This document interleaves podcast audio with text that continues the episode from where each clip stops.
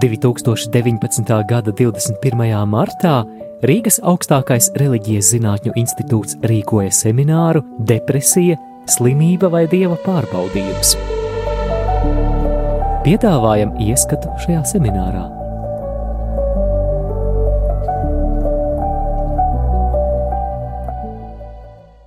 Jā, jūs ļoti precīzi iezīmējāt problēmu visā valstī. Varbūt mēs varētu. Man ir viens, ris, jā, viens vien, komentārs. Es nezinu, vai jūs šo resursu esat izmantojis vai nē, bet uh, to organizē Bērnu tiesību aizsardzības inspekcija. Viņu kompetencē ir izveidots um, projekts, kas sniedz uh, konsultācijas gan ārsta, gan um, psihologa. Uh, individuāli bez, bez maksas, un tad tālāk arī tiek novērtēts un izstrādāts rekomendācijas gan pedagogiem, ko, ko, ko doktors teica, un nu, droši vien meklēt iemeslu, kāpēc, piemēram, viena veida palīdzība šobrīd nu, nepalīdz. Bet jūs varat šobrīd vērsties, viņš ir šobrīd darbojas tas projekts, un tur nav gadiem jāstāv rindā. Jā. Jā.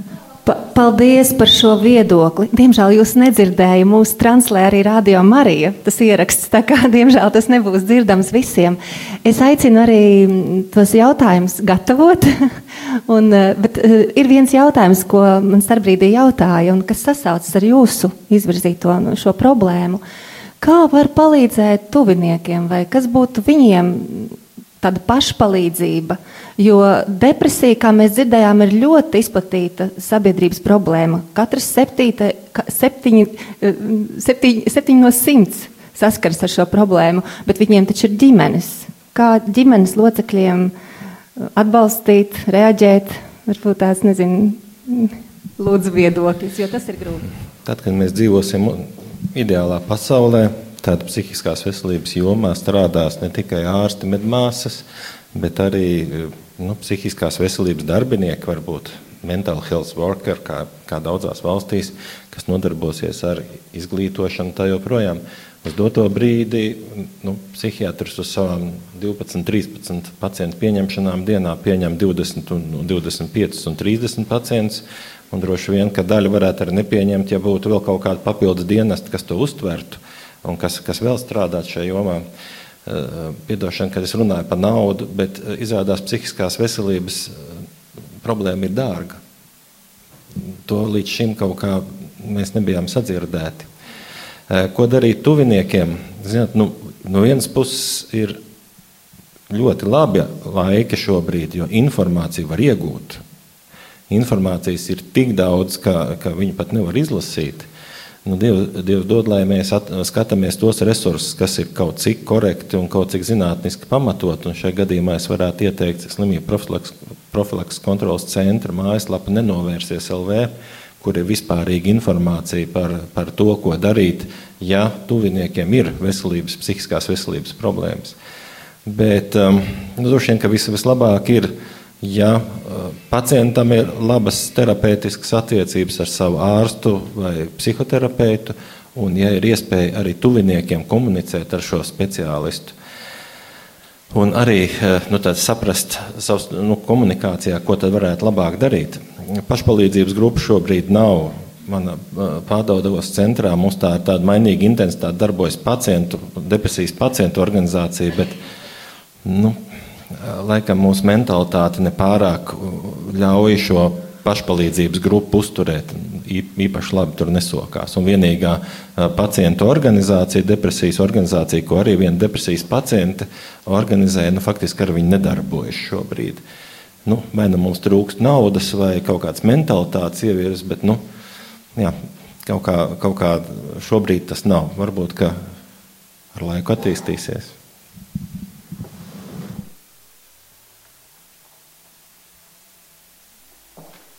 Varbūt vēl kāds viedoklis, kā palīdzēt tuviniekiem.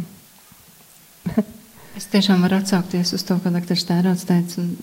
Droši vien jāizvērtē, kādas vajadzības ir, un tad atbilstoši tam.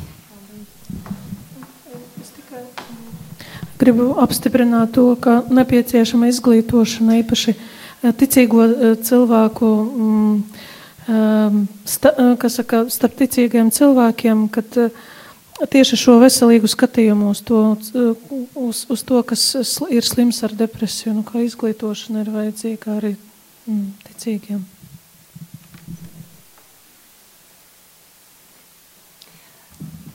Varbūt ir vēl kādi jautājumi no auditorijas. Mums šeit uz galda ir atsūtīti jautājumi tieši speciālistiem. Šķiet.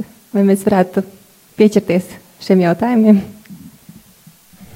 Vai antidepresantu lietošana ietekmē ne tikai bioķīmiskos procesus smadzenēs, bet arī domāšanas pārmaiņas? Nu, zināt, dīvainā kārtā smadzenes darbojas nu, kā ķīmiski, fizikāli procesi. To gan tā reizēm gribas neatzīt, bet nu, tomēr tas tā ir. Un depresijas gadījumā nu, bioloģiskās pārmaiņas ir tajās smadzeņu daļās, kas atbild par emociju regulāciju, par spriedumu veidošanu, par domāšanas procesiem. Jā, antidepresanti var ietekmēt domāšanas procesus, um, var ietekmēt emocijas, var ietekmēt nu, dažādas psihiskās jomas sfēras. Um, šeit ir piebildi jautājumam, vai var arī pastiprināt pašnāvības domas. Tas tāds vispārīgs uzskats un tādi, tādi riski uzsākot ārstēšanu ar antidepresantiem. Manuprāt, tas ir drīzāk tāds sliktas sadarbības piemērs ar, ar ārstu, ja, ja tomēr nu, līdz šādam kaut kādam pašnāvības riskam tiek nu, aiziet. Jo redz, kā ir tas medikaments, viņš reizēm ātrāk atbremzē fizisko sfēru, kustības sfēru nekā to domu saturu. Un reizēm cilvēks kļūst možāks, aktīvāks, enerģiskāks, bet domas ir tās pašas melnās. Un īpaši tas notiek pirmajās nedēļās ārstēšanas procesos. Tāpēc noteikti nav tā, ka tikai medikaments tas, kas palīdz, un, un ka nevajag runāt ar cilvēku, nevajag psihoterapeitisku palīdzību. Tam visam jānotiek paralēli. Un nevar būt tā, ka medikaments tiek iedots uh, un tri, trīs paraugi, kā agrāk bija iedot no atvilknes trīs mēnešiem zāles, saka, nu atnāc pēc trīs mēnešiem. No nu, tādiem milzīgi riski tā, no, tā notikt nevar, īpaši tur, kur ir smagās depresijas. Ir, ir jārunā ar pacientu, ir jānovērtē šie riski un, un jāiesaist arī tuvinieki neapšaubām. Ja, ja, ja ārstam ir sajūta un aizdomas par to, ka ir kaut kāda pašnāvības riski, nu, diemžēl reizēm, reizēm ir gan jāinformē eh, tuvinieki, kas it kā likuma priekšā nav atļauts, gan varbūt pat reizēm jādomā par stacionēšanu, lai, lai pasargātu cilvēku. Tie nav viegli lēmumi nekad. Šeit vēl viens jautājums par medikamentiem. Kā var palīdzēt gulošam cilvēkam, 86 gadi, kurš uzstājīgi pieprasa un lieto jau vairāk kā desmit gadus fezopāmu. Um, iespējams, fenazepāmu, droši vien tas nosaukums nav pareizi, kas viņam laupa muskuļu masu, fizisko spēku. Viņš ir lielā depresijā, to saprot. Piecēlties un staigāt nav spēka, taču nespēja atteikties no šīm tabletēm. Rezultātā visas masāžas, kustības terapijas, kas tiek organizētas, ir veltīgas. Kā var palīdzēt šādam cilvēkam? Un šeit arī ļoti svarīgs jautājums, vai psihiatri nāk mājas vizītēs? Ziniet, nu, nedemonizēsim fenazepāmu. 86 gados iespējams tas nav vienīgais iemesls, kāpēc cilvēks sliktāk staigā bet iespējams tie novecošanas procesi un, un kaut kāda nervu impulsu pārvades traucējumi. Ja nu tas cilvēks eh, no savu fenazepām, tas, tā ir vienīgā zāle, no kā viņš elementāri naktī guļ, tad varbūt nevajag ņemt viņam nost to fenazepām. Vai fenazepāms ārstē depresiju? Nē, ne, neārstē. Vispār vecu cilvēku aprūpē galvenais ir aprūpe un medikamenti pēdējā vietā. Kustināt, darbināt, iedrošināt, Un vecais cilvēks dēļ saviem novecošanas procesiem, gan fiziski, gan garīgi, diemžēl visādi pretdarbojās tam. Viņš negrib kustināties, negrib, negrib domāt, negrib mācīties, negrib staigāt. Bet es nedomāju, ka tā ir fenozepāma problēma. Kas attiecās par, par vai psihiatru brauc mājas vizītēs, tad, tad reti. Es domāju, ka šeit nu būtu darbs ģimenes ārstam vairāk. Ja tā. Bet vispār Rīgā reiz nedēļā psihiatri brauc mājas vizītēs no Rīgas psihiatrijas narkoloģijas centra.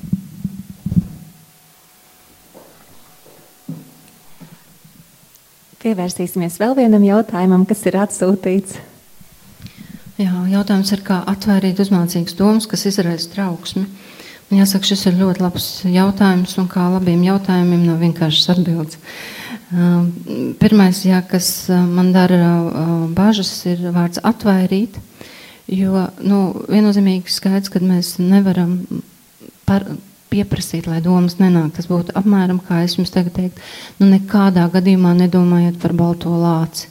Baltu lāci domāt nevar. Šo, tagad man nevajag baltu lāci. Tad tikai nedomāt šito domu, tikai nedomāt šito domu. Nu jā, un tad kā darboties ar šīm domām vai ar trauksmi?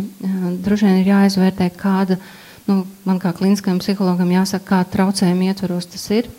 Ja tas ir traucējumi ietvaros, kas ir saistīts ar uzmācīgām domām, tad pirmais, ko ir jāmācās, nereaģēt uz viņām. Līdzīgi kā uz spamu. Mēs saņemam spamu vēstules. Nu, principā, ja mēs viņām ticētu, tad jau mēs esam bagātākie cilvēki pasaulē, cik nav mantojumi un, un tā. Nu, lūk, ja tas ir ģeneralizētās trauksmes vai citas panikas trauksmes, panikas traucējumi ietvaros, tad jā, mēs mācāmies arī strādāt ar ķermeni. Bet ideja ir, jā, kad mums jāatmet doma viņas atvairīt. Ir jāiemācās ar viņām būt un pieslēgties pie tām citām um, modalitātēm, ar kurām mēs varam strādāt. Domas nav problēma, ir problēma, kā mēs uz viņām reaģējam.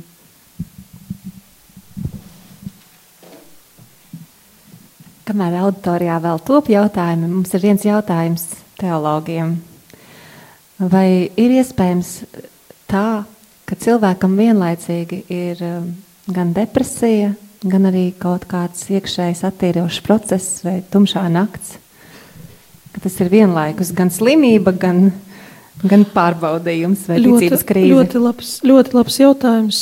Svētais Jānis no Krustā arī raksta mm, par šādiem gadījumiem, ka ir gan, gan, ka viņš saka, ka šīs melanholijas vai psihiskas nedispozīcijas gadījums var, Dievs to var izmantot, lai cilvēku arī šķīstītu. Un, protams, ka katras uh, katra depresija vai melanholija vai psihiska nedispozīcija, tas ir tāpat kā katrs krusts, ja mēs to pareizi izdzīvojam, tas, tas mūs tuvina Dievam.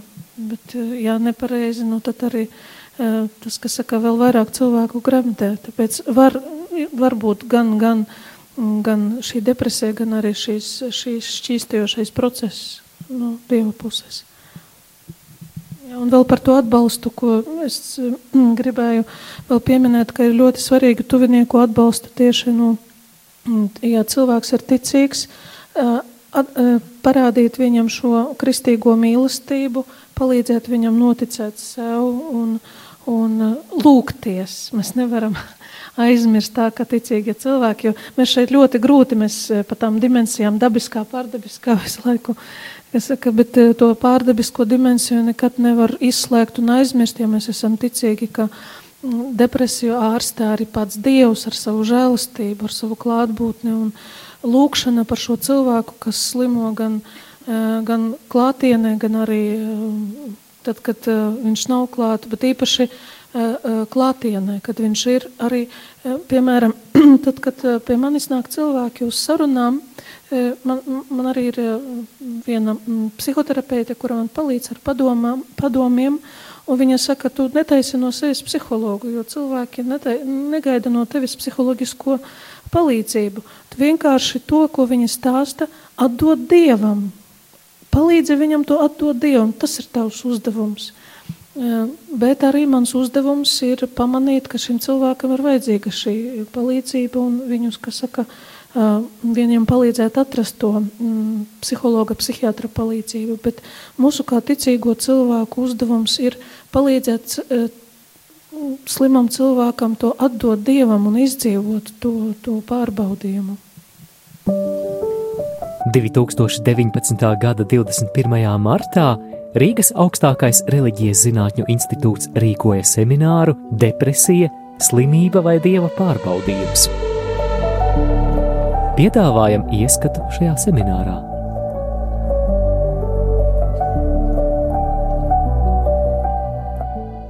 Jā, nu, man liekas, es jau teicu, ka tumšā naktis tā ir zināmā mērā arī tāda ticības krīze cilvēkam. Un, ja viņš to neatpazīst, ja viņš to neatpazīst kā Dieva darbu pie sevis, tad viņi noteikti novadīs depresijā visdrīzāk, bet tāpēc ir vajadzīgi garīgi padomdevēji un vispār baznīcā būtu jābūt daudz, es domāju, vispirms mūsu un noteikti arī, arī visās pārējās daudz vairāk attīstītai garīgai līdzgaitniecībai un garīgai padomdošanai, pie tam profesionālai. Uh, Bet eh, jā, man, eh, man tomēr gribēs bišķiņ eh, apstāties pie jautājuma par pārbaudījumu kārdinājumu. Es visu laiku, mm, jā, tomēr tiku kārdināts mazliet pieskarties šim jautājumam.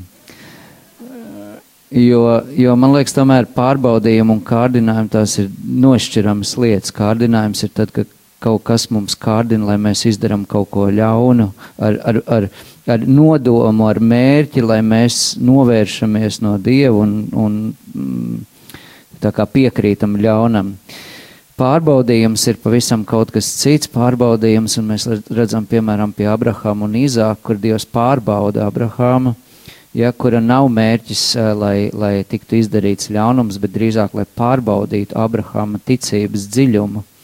Un uh, nevelti varbūt arī šis disputs par uh, mūsu tēvs lūkšanu, kur uh, vārdi neieved mūsu kārdinājumā, patiesībā uh, jā, vienmēr izsauc tādu, tādu lielu diskusiju. Es zinu arī, kad uh, Romas katoļu baznīcas tagadējais pāvests Francisks II par to ir izteicies. Uh, un, uh, un uh, jā, tas, uh, man liekas, ka viens no mīlestības veidiem, ir, ka Dievs mūs pārbauda, nevis lai mūs kaut kādā veidā tiešām, kā māsa sacīja, noķertu, ka mēs kaut ko darām nepareizi, bet lai mums pašiem atklātu kaut kādas lietas, kas varbūt mums līdz galam nav, ko mēs neesam sevī ieraudzījuši, kur mūsu ticība ir apstājusies, kāpēc viņi neaug, kas tur aizgājis ir priekšā. Un līdz ar to es domāju, ka pārbau, Dieva pārbaudījumi, tas ir Dieva mīlestības darbs pie mums. Jā, lai, lai mūsu ticība tiktu dziļāk uh, izprasta un mēs tiktu arī dziļāk ticībā uh, attīrīti uzticībai Dievam, bet kārdinājums tas ir kaut kas tāds, kas, kur ļaunais vienkārši mēģina mums, mūs novērst jā, no Dieva ceļa un atņemt mums Dieva dāvāto brīvību. Šeit ir jautājums par to, cik bieži ir sastopama tumšā nakts. Vai ir, vai jums māsa nācies bieži sastapt cilvēkus tādā situācijā? Un jautājums arī skar, kā var palīdzēt šā, šādam cilvēkam. Jo, kā mēs zinām, māte Terēze, viņas tumšās nakts pieredzē, nu arī garīgie tēvi nesaprata. Nevarēja viņai varbūt sniegt šo atbalstu. Vai ir kāda iespēja palīdzēt cilvēkam, kam ir tumšā nakts? Sajūta nakts? Nu, uz, uz to jautājumu, cik bieži sastopamais, neatbildēšu, tāpēc, ka es neesmu garīgais tēvs. Un, uh, es, es vairāk strādāju ar cilvēkiem, kuri ir nesen atgriezušies pie Dieva, kuri meklē šo ceļu. Un, uh, tur es tā bieži neesmu sastapusi šo problēmu, bet es domāju, tie priesteri vai garīgie tēvi, kas pieņem grāksūdzes, uh, īpaši cilvēkiem, kuri. Mm, dzīvo šo dziļāku garīgu dzīvi, varētu atbildēt uz šo jautājumu. Es nepateikšu. Jānis no Krusta raksta, ka sajūtu nakts ir uh, diezgan bieži sastopama, bet tajos laikos nu, garīgo dzīvi dzīvoja ļoti daudz cilvēki, kas saka, ar dziļu garīgu dzīvi. Un, e, es, es atbildētu tā. E, starp e, tiem cilvēkiem, kuri dziļi izdzīvo savu garīgo dzīvi, Es domāju, ka šī sajūta nakts ir sastopama. Bieži vai ne, ne es, es nevaru pateikt, neesmu eksperts šajā ziņā. Bet kā palīdzēt? Šeit ir, tas ir ļoti labs jautājums, un es pateicos par šo jautājumu, kā palīdzēt. Jānis no Krusta arī parāda šos ceļus, kā palīdzēt tādam cilvēkam. Un garīgais tēvs, kura priekšā ir šis cilvēks, kas ir sajūtu nakti, es nerunāju par gara nakti, es par sajūtu nakti. Uh, nu, palīdzēt viņam atrast šo jaunu lūkšanas ceļu, kur viņš atrodas Dieva klātbūtnē, paklausīt arī savai iedvesmai, būt vienatnē ar Dievu, nespiežot sev kaut kādas diskursīvas meditācijas. Šis cilvēks arī var sev palīdzēt arī kalpojot, nu, darot labu, un tā kā jūs teicat, ka cilvēks atrod šo piepildījumu arī darot uh, labu citiem cilvēkiem. Un mm, Jānis no Krusta saka, ka ir uh, milzīgi svarīgi, lai šim cilvēkam blakus ir pieredzējis garīgais tēvs, kurš, kurš pats ir izgājis šo pārbaudījumu un kurš prot atpazīt tieši kāds cēlonis ir tam un ko, ko šis cilvēks jūt lūkšanā vai, vai arī darbībā. Un tā īsumā. Tur jautājums kaut kāds arī ir. Lūdzu, mums ir laiks, es domāju, vismaz diviem jautājumiem. No vakar mācītājs Kristus man uzvedināja šo jautājumu. Tad arī jautājums ir mācītājiem un māsai, ja, ja iespējams. Vai dieva pārbaudījumu un tā izraisīto depresiju varam saskatīt arī svētajos rakstos, piemēram, Ieba personā? Lūdzu, komentāru.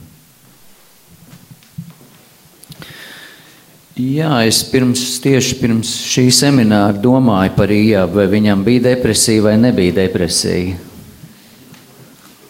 Un kaut kā man neliekās, ka tas, kas bija Ijābam, bija depresija. Es domāju, ka viņš eh, visdrīzāk tiešām eh, gāja cauri, eh, varētu teikt, tādas nakts pieredzēji. Jo beigās mēs redzam, ka šīs nakts beigās bija tas, ka Dievs viņam sevi atklāja un viņš pilnībā atzina to, ko viņš iepriekš nebija sapratis, un atzina savu nabadzību Dievu priekšā, un Dievs viņu svētīja, un viņš izgāja tajā naktī cauri, un viņam, es ticu, pilnīgi citādākas attiecības ar Dievu veidojās.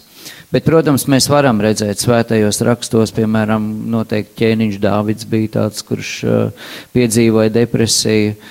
Mēs redzam arī vēl uh, diezgan daudz, jā, um, nu, Jā, arī noteikti apustulis Pāvils, mēs varētu sacīt, arī viņam bija kaut kāds periods, jā, kur viņš dzīvoja um, gāja cauri kaut kādām jā, pieredzēm. Bet jā, ir tā sacīt, ka tā ir bijusi depresija, tad uh, es par ījā man negribētos teikt. Tad, kad es gāju cauri savai pusmožu krīzē, tad es lasīju ījābu un domāju, nu, nē, ījābs tur piedzīvo vienu kārtīgu vīriešu pusmožu krīzi alegoriskā veidā. Jā, e, man, man gribētos piekrist arī tam, ko jūs uh, sakāt, un uh, tikai piebilst tā, ka uh, mūsu bībeles pasniedzējs profesors Hrostovskis universitāte teica, ka ieba grāmatai happy endu izdomājuši cilvēki, kuri nesaprot uh, šīs grāmatas vēstījumu. Uh, jo šī grāmata ir par taisnīga cilvēka netaisnīgajām ciešanām. Vecajā derība tas uh, bija tāds uzskats, ja tu, tev ir ciešanas, tas nozīmē, ka tu esi sagrēkojies, nu tad arī šī grāmata parāda, ka nevienmēr tā ir, kā arī cilvēks cieši arī netaisnīgi. Un ieps ir tieši tāds uh, piemērs, kā pieņemt ciešanas, un viņš arī savās atbildēs parāda no to, iekšēju spēku un enerģiju, ar kuru viņš ar to, to mīlestību, mīlestību, paļāvību, jo viņš ir paļāvības eh, paraugs. Un tāpēc grūti runāt tieši par depresiju. Es neesmu depresijas speciālists, un tas būtu ļoti interesants pētījums, papētīt Bībeles personāžus Ja ne izmisis, protams, bet tas jau nenozīmē, ka viņam jābūt, de, jo depresija jau tas ir tāds, ka tas izmisums, tu jau esi jau nogrimis. Jā, tur, jā, jā. Bet es, es domāju, ka depresija noteikti bija jāba sievai.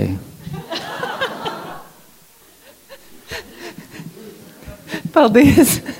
Tiešām mūsu seminārs atver vēl vairāk jautājumus nekā pirms tam. Varbūt ir vēl kāds jautājums, ko jūs ļoti, ļoti gribētu pajautāt. Ir, ir jautājums. Pēdējais šī vakara jautājums. Ja drīkst, es vienu jautājumu. Man ļoti gribētos saņemt eh, tādu pozitīvu mm, pieredzi. Pasakiet man, lūdzu, viens cilvēks, kurš ir kļuvis vesels, vai viņš ir? Ir? Tad es varu cerēt. Paldies, es lūkšu un es cerēšu. Paldies jums!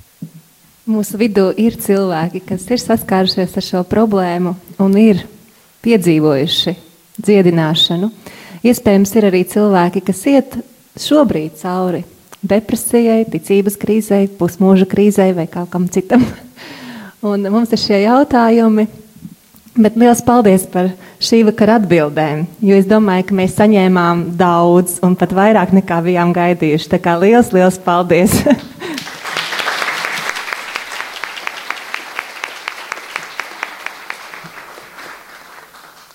mistiskā veidā tas kopsaucējs, kuru mēs gribējām atklāt, kuru mēs gribējām satvert starp šo garīgo un, un psiholoģisko pusi, man šķiet bija māte Terēze, jo viņa pieminēja abas puses.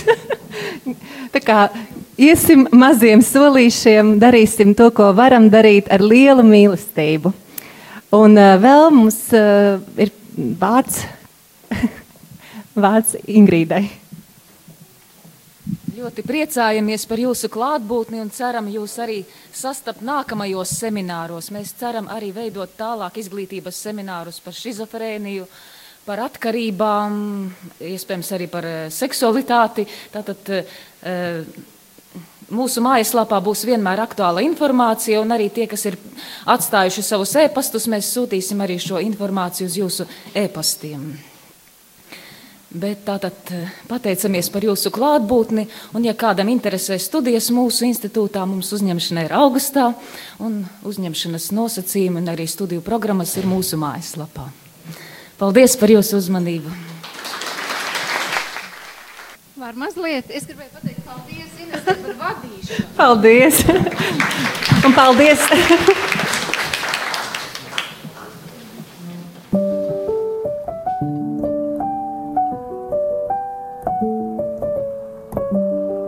izskanēja fragments no semināra Depresija, slimība vai dieva pārbaudījums.